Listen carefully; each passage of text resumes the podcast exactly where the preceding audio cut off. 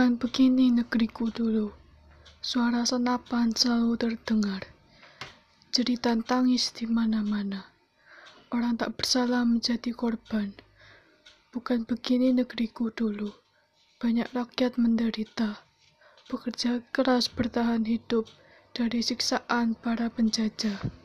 Para pahlawan bermunculan mewakili daerah masing-masing melawan para penjajah demi mencapai kemerdekaan.